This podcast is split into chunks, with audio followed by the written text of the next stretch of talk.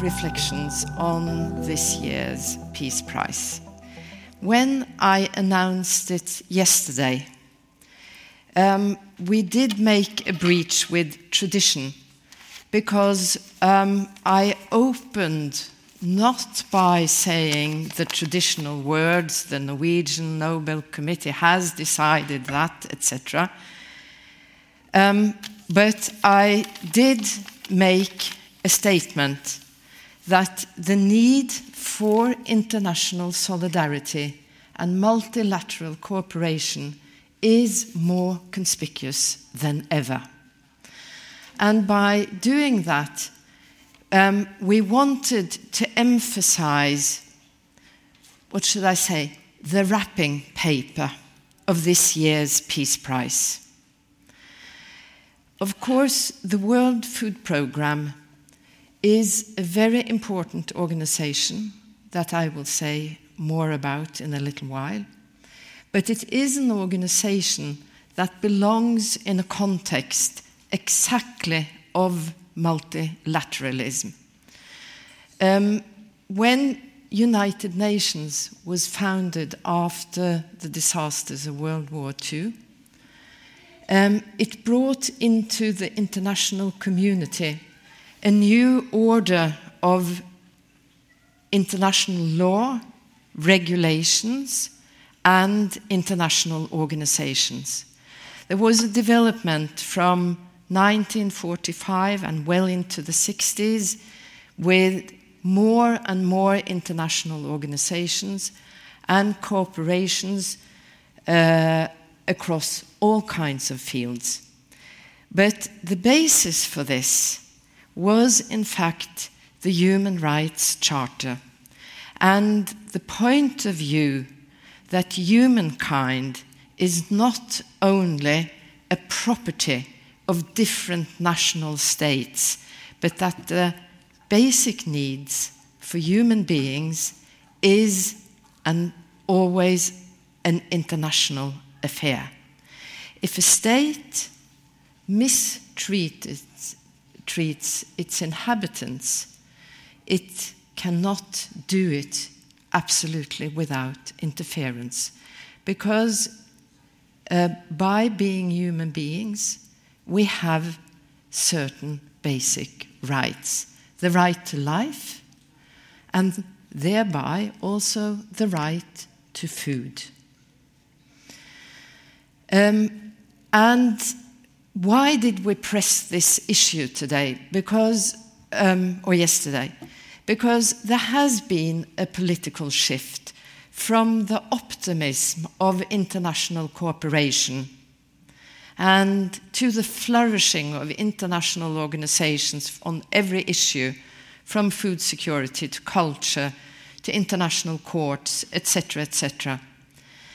And now there has been a shift, um, the slow development the past 20 years, but more and more um, um, uh, clear that many world leaders turn their backs to international cooperation because they would prefer to promote national interests because they find international cooperation too costly and they find that international organizations sometimes act and interfere across the political agenda of a particular leader. And that is exactly the point of international cooperation that it is international and that there is a certain pressure between national interests and uh, world solutions. Um,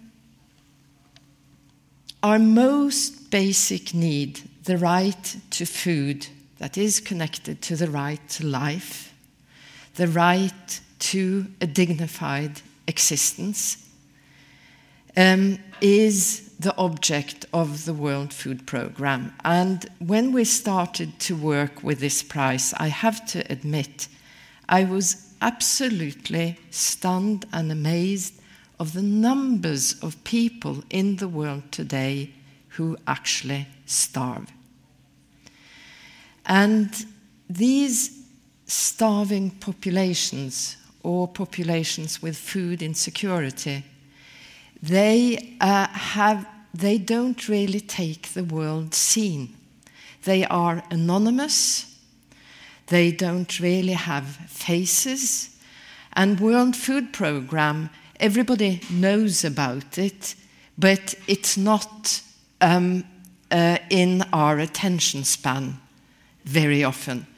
So, what we wanted to emphasize with this prize is that we are one planet and we have certain obligations and duties uh, as such.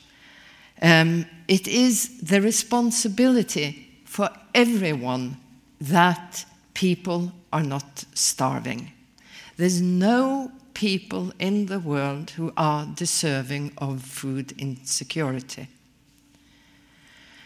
Um, and the World Food Programme has the, taken upon itself uh, this enormous task. And uh, why did we choose them this year? Yes, because they have, of course, been worthy of a Nobel Peace Prize for decades, I would say, carrying out their uh, very important work. But the number of starving people that have received aid um, reached 135 million past year. And uh, the food program has predicted that if the development continues as it is today, it will, in yet another year, reach 265 million people. It's an estimate. But there's about 320 million people in the United States. So, as a reference point, it's almost up to the entire population of the United States. Um, so, tackling a growing problem was one reason for choosing the food program, particularly this year. But also um, the recent recognition of the connection between food and starvation, or to put it more correctly, starvation as a weapon, hunger as a weapon, that was recognized by the United Nations Security Council um, um, um, in um, 2018, Resolution 2417. Uh, and this is an enormous, important step forward because hunger and famine is not only a result of um, mismanagement of food supplies, of agriculture, etc., but the predominant reason for hunger is exactly war and conflict. And hunger is used, calculated as a weapon. Um, populations are starved out to leave an area. Um, the agricultural infrastructure or other food um, uh, producing facilities uh, are destroyed to force people to leave and become refugees, migrants.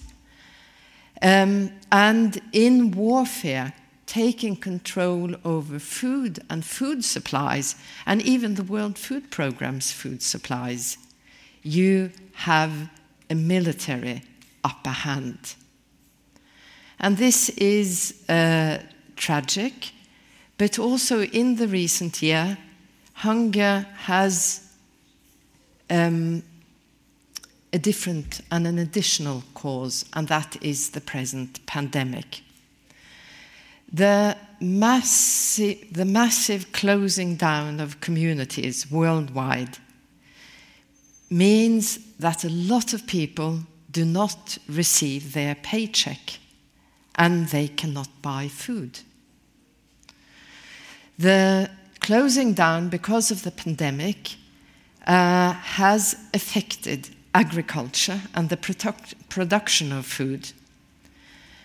Um, bringing food into communities uh, in conflict has become increasingly difficult um, because of the pandemic and the restrictions in air travel and all kinds of other things that we are presently living under.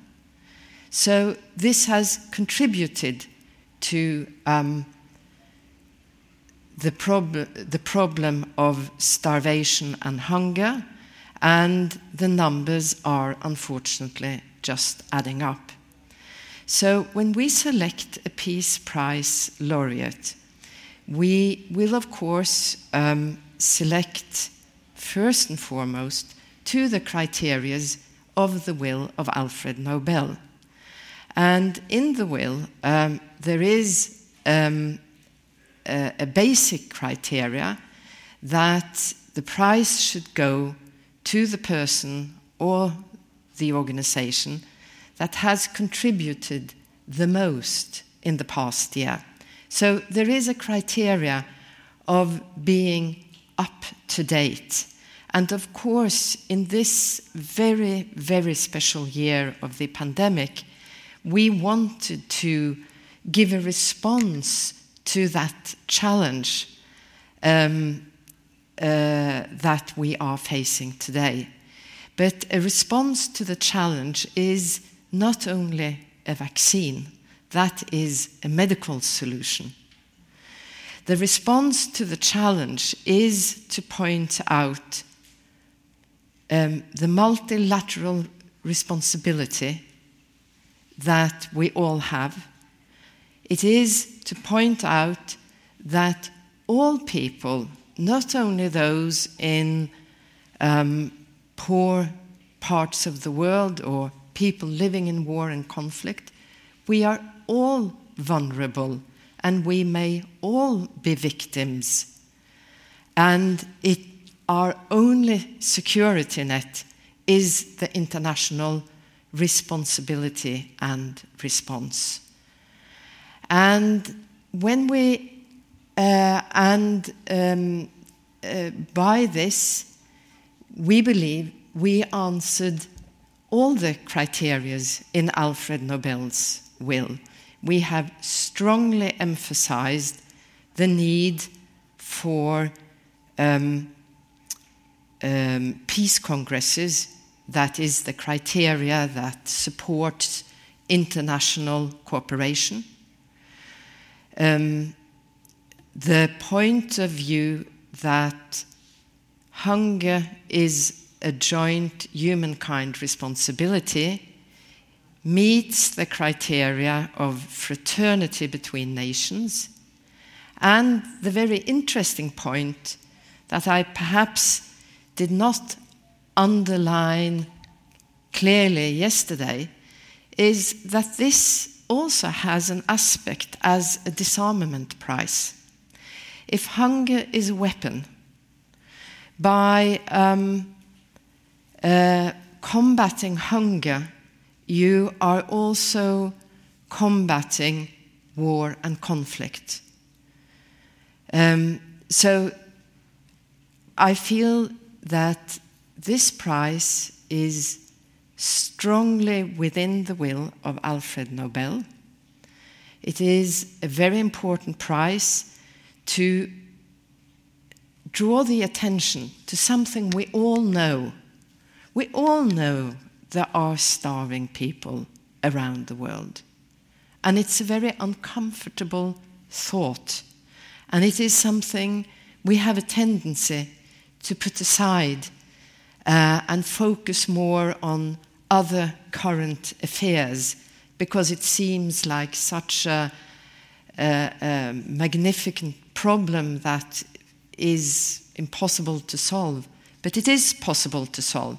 It is possible to solve the way the food, World Food Programme works, because it's not only a relief organization, that is a very important part of its work, but the World Food Programme has developed ideas of sustainability, that food, um, the final solution of hunger is that you have to establish sustainable food chains.